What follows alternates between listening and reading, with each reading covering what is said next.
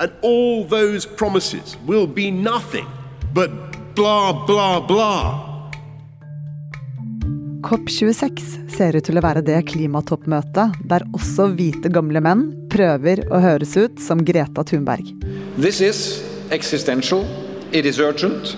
Qui aujourd'hui vivent les premières conséquences de la crise climatique. Og de lover kutt. Store kutt i klimagassutslipp.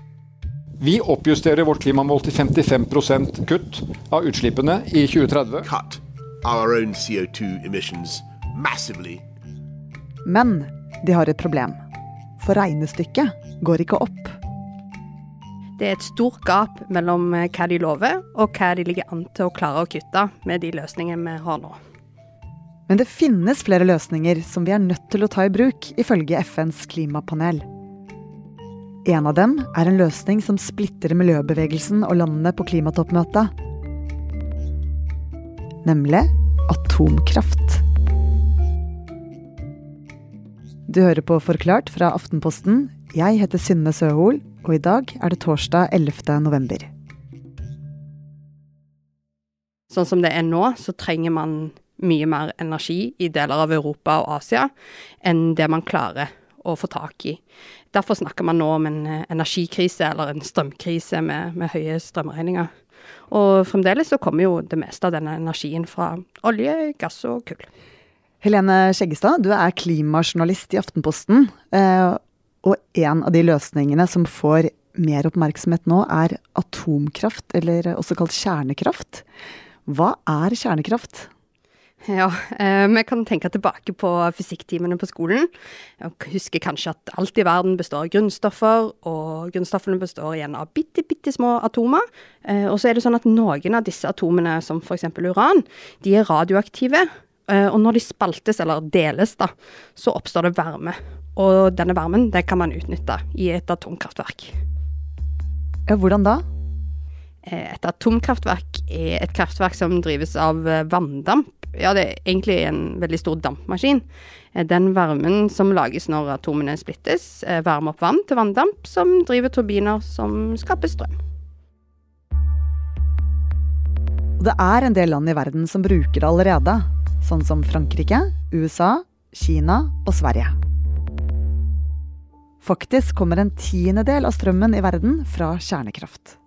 Og tilhengerne mener det er gode grunner til å like det. Den viktigste grunnen til at man snakker mye om kjernekraft nå, er at det slipper ut veldig lite CO2. Og så kan det produsere når som helst. Eh, fornybare energikilder som vind og sol, de er jo avhengig av været. Og så gjør det ikke så store inngrep i naturen, og et kjernekraftverk eh, krever ikke så veldig store arealer. Og så er det jo sånn at når man først har bygga et kjernekraftverk, så er det relativt billig å, å drive det. Så derfor hadde man veldig trua på kjernekraft allerede da man begynte å eksperimentere med teknologien på 50-tallet. Og fra da av ble det flere og flere kraftverk. Men så skjedde det noe som fikk utviklingen til å snu. Hovedgrunnen til at uh, atomkraft slutta å være populært, er at uh, det begynte å føles uh, skummelt. For flere av innvendingene de handler om frykt, og i noen tilfeller begrunna frykt. Eh, det første er frykten for ulykker. Ja, og det mest kjente er kanskje Tsjernobyl i 1986. Hva skjedde der? Det som skjedde i Tsjernobyl i 1986, var at atomreaktor nummer fire ble fryktelig varm. Eh, og 26. april så, så ble han så varm at eh, den eksploderte. Eh, minst 56 mennesker døde momentant, og ja, mange flere liv skulle gå tapt etterpå. Det man kanskje husker, er strålingen som fulgte etterpå. Store mengder eh, radioaktive partikler. De, ja, først så fløy de over området, og deretter over landegrensene, og ja, katastrofen var jo et faktum. Eh, området rundt eh, ble erklært forbudt sone, og det er jo fremdeles den dag i dag et eh, katastrofeområde. Og det er ikke lenge siden jeg så en nyhetsmelding om at myndighetene meldte om økt radioaktiv stråling i området. Ja, og så kom det enda en ny ulykke som fikk eh, mer å si. Ja, det er mange som tenker på Fukushima-ulykken når vi snakker om kjernekraftverk. Det er nå ti år siden eh, det var et jordskjelv som utløste en tsunami som vaska inn over kysten av Japan. Der sto det et eh, kjernekraftverk, og denne kjempebølgen den slo ut av kjølesystemene til tre av de seks reaktorene ved atomkraftverket i Fukushima. Og de smelta ned, og ut kom radioaktive stoffer. Ja, ja, hva ble konsekvensen av dette? Altså, ulykken i Fukushima den førte rett og slett til en global energidebatt om kjernekraft. Eh, Tyskland, som da var ledet av eh, fysiker Angela Merkel, eh, bestemte seg f.eks. å fase ut kjernekraft etter ulykken. Ja, Så mye av dette handler om frykt for nye ulykker? Ja, absolutt. Eh, I tillegg så er det jo òg en, en, frykt for stråling.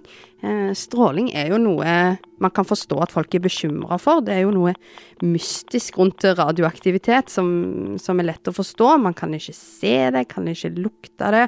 Men man får jo servert liksom skumle historier om griser med fem bein og, og deformerte nyfødte.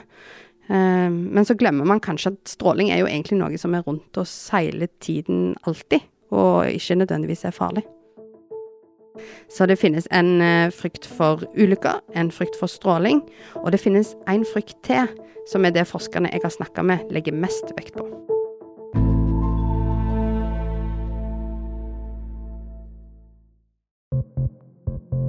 Vesttyske eksperter mener at brannen i den sovjetiske atomreaktoren kommer til å føre til store konsentrasjoner av radioaktiv bestråling over sentrale deler av Europa. Lenge har kjernekraft vært assosiert med ulykker og håndtering av radioaktivt avfall.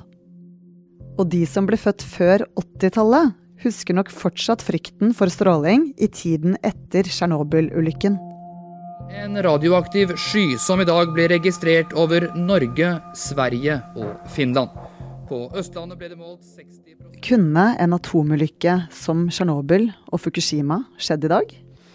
Ja, altså helt sikker mot atomkraftulykker blir man aldri. Eh, og det er jo vanskelig å forhindre en tsunami, f.eks. Selv om man nok kunne, og ville nok òg, ha sikra reaktorene bedre i dag. Eh, når det gjelder Tsjernobyl, så bygger man ikke sånne anlegg i dag. De er mye sikrere. Eh, og så handler det jo om hvor store er egentlig disse eh, ulykkene i, i, det store bildet. Eh, det er jo f.eks. kull eh, som tar eh, flest liv av energikildene våre. Og i fjor kom det en eh, EU-rapport som viste at eh, kjernekraft er ikke mer skadelig enn fornybar energi. Ja, ok, men eh, hvis faren for ulykker er liten, og det ikke er mer skadelig for eh, folk og miljø enn fornybar energi, da er vel dette løsningen, eller? Noen vil jo mene det, eh, men det finnes andre utfordringer òg, som særlig miljøbevegelsen og andre skeptikere trekker fram. Ja, hva mener de da?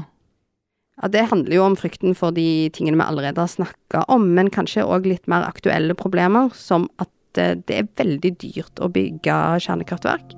Det tar ofte lang tid. Og så er det jo egentlig ingen land som har klart å etablere permanente løsninger for å ta vare på det farlige avfallet. For over hele verden lager atomreaktorene tusenvis av tonn med radioaktivt avfall som brytes veldig sakte ned. I Norge f.eks. er ulykken i Tsjernobyl for 35 år siden fortsatt den største kilden til radioaktiv forurensning. Og det er et av hovedproblemene med kjernekraft. Hva gjør man med avfallet? De som allerede har kjernekraftverk, har vært nødt til å prøve å løse det. Ja, ingen andre land i verden er så avhengig av kjernekraft som eh, Frankrike. Eh, derfor har de òg blitt eh, verdensledende i hva man skal gjøre med avfallet som oppstår. Kort sagt så har de jo delt avfallet i to. Det er det avfallet som er svært høy radioaktiv og, og dødelig. Det må liksom lagres i tusenvis av år, og, og, der driver de og planlegger og arbeider med en lagring en halv kilometer under overflaten. Og så har man det avfallet som har eh, lav til moderat stråling, og det tar eh, bare 300 år å bryte ned. Det oppbevarer de i en skog nordøst i landet, et stykke øst for Paris. Hit kommer det altså lastebil etter lastebil med atomavfall som de presser ned i sylindere av betong eller stål, og deretter blir disse sylinderne stabla i lagre som forsegles igjen med sand og enda mer betong. Men hvor skadelig er dette avfallet egentlig? Det er farlig. Det er dødelig. Og derfor er det veldig viktig at det håndteres riktig. Og så er det viktig at man kan stole på de som sier at det håndteres riktig. Ja, Så man er avhengig av at eh, landet er stabilt? At det ikke plutselig blir krig, eh, f.eks.? Nettopp. Da reaktor 4 ved Tsjernobyl-anlegget eksploderte i 1986, truet samtidig den kalde krigen og et atomvåpenkappløp mellom Sovjetunionen og USA. Og her kommer den siste frykten Helene snakket om. Nemlig frykten for at atomkraft kan bli brukt med skumle hensikter. Helene, kan teknologien i kjernekraftverk bli brukt til atomvåpen? Ja, det er et uh, viktig spørsmål. Når man snakker med tilhengere og motstandere, så har de litt forskjellige svar. Eh, tilhengere sier at det er ikke mulig å ta brensel fra et kjernekraftverk og lage atomvåpen sånn uten videre. Og, og det har du jo rett i. Eh, mens eh, kritikere mener at det er en risiko for at teknologien bak det havner i feil hender Eh, og at det er et argument man ikke kan, kan se bort fra. Ja, betyr atomkraftverk at du også vet hvordan du lager en atombombe? Ja, altså ikke helt uh, automatisk, men det kan være et godt dekke for å lage en atombombe. Altså at man sier at man driver på med kjernekraft, men litt på bakrommet så holder man på med noe annet. Hvordan er stemningen rundt uh, kjernekraft nå? Ja, nå er det sånn at til og med motstandere av kjernekraft snakker om et oppsving i interessen for kjernekraft. Eh, en slags eh, kjernekraftoptimisme. Eh, og flere har òg endra mening. Forskere, miljøvernforkjempere og politikere. F.eks. USAs klimautsending John Kerry sier at han har endra mening, fordi at han ser at det er behov for å kutte utslipp, og kutte det fort. Ja, Betyr det at uh, nye land også går i den retningen? Ja, eller, og særlig gamle land, da, som har holdt på med det før. Eksempel, vi husker jo at man snakker om Fukushima-ulykken, uh, og Japan stengte ned sine kjernekraftverk. De snur nå, og ønsker å ha kjernekraft igjen. Også Storbritannia bygger ut. Eh, Sverige, som har mye kjernekraft, eh, vil ikke fase ut så fort som de tenkte de skulle. Og så er det jo sånn at hver gang vi her i Aftenposten skriver noe om strømkrise, så er det noen som påpeker at uh, denne Tyskland sin beslutning om å fase ut kjernekraft var forhasta, for de bytta den ut med kull. Og nå er det ti EU-land, med Frankrike i spissen, som er verdensledende på kjernekraft, som vil at uh, kjernekraft skal puttes i samme boks som vind- og solenergi, altså som grønn energi. Ja, For grønn energi, hva betyr det? Eh, jo, det som er grønn energi i dag, er jo fornybare kilder som sol og vind og vann. Men nå vil altså at Frankrike f.eks. at òg kjernekraftverk bør være i den kategorien, fordi det omtrent ikke slipper ut noen klimagasser. Hva kan konsekvensene av uh, grønnmerkingen bli? Ja, I så fall så vil EU trolig satse milliarder av euro på kjernekraft de neste årene. Eh, og det kan, kan jo òg føre til at flere land følger i EU sine fotspor. Å ja, Norge også? Eh, her er nok Norge i en ganske unik situasjon, fordi vi har vannkraft. Og så lenge vi har vannkraft, grønn energi, eh, så tror jeg det blir veldig vanskelig å starte en kjernekraftdiskusjon her i Norge. Kan du jo tenke, ville du hatt et kjernekraftverk som nabo hvis du kunne slippe? Men Helene, etter alt vi har gått gjennom nå, eh, er kjernekraft eh, fremtiden? Ja, det er jo det spørsmålet alle stiller seg. Eh, og man ser at tunge aktører som Rolls-Royce og Bill Gates eh, eh, lukter på kjernekraft nå. Eh, jeg tror nok at det blir et race mellom å få til kjernekraftverk som er billigere, tryggere og raskere å sette opp, mot andre grønne løsninger som sol og vind og CO2-fangst og, og lagring. Eh, det som uansett er helt klart, at hvis man skal forhindre enormt skadelig global oppvarming, må alle potensielle løsninger på bordet.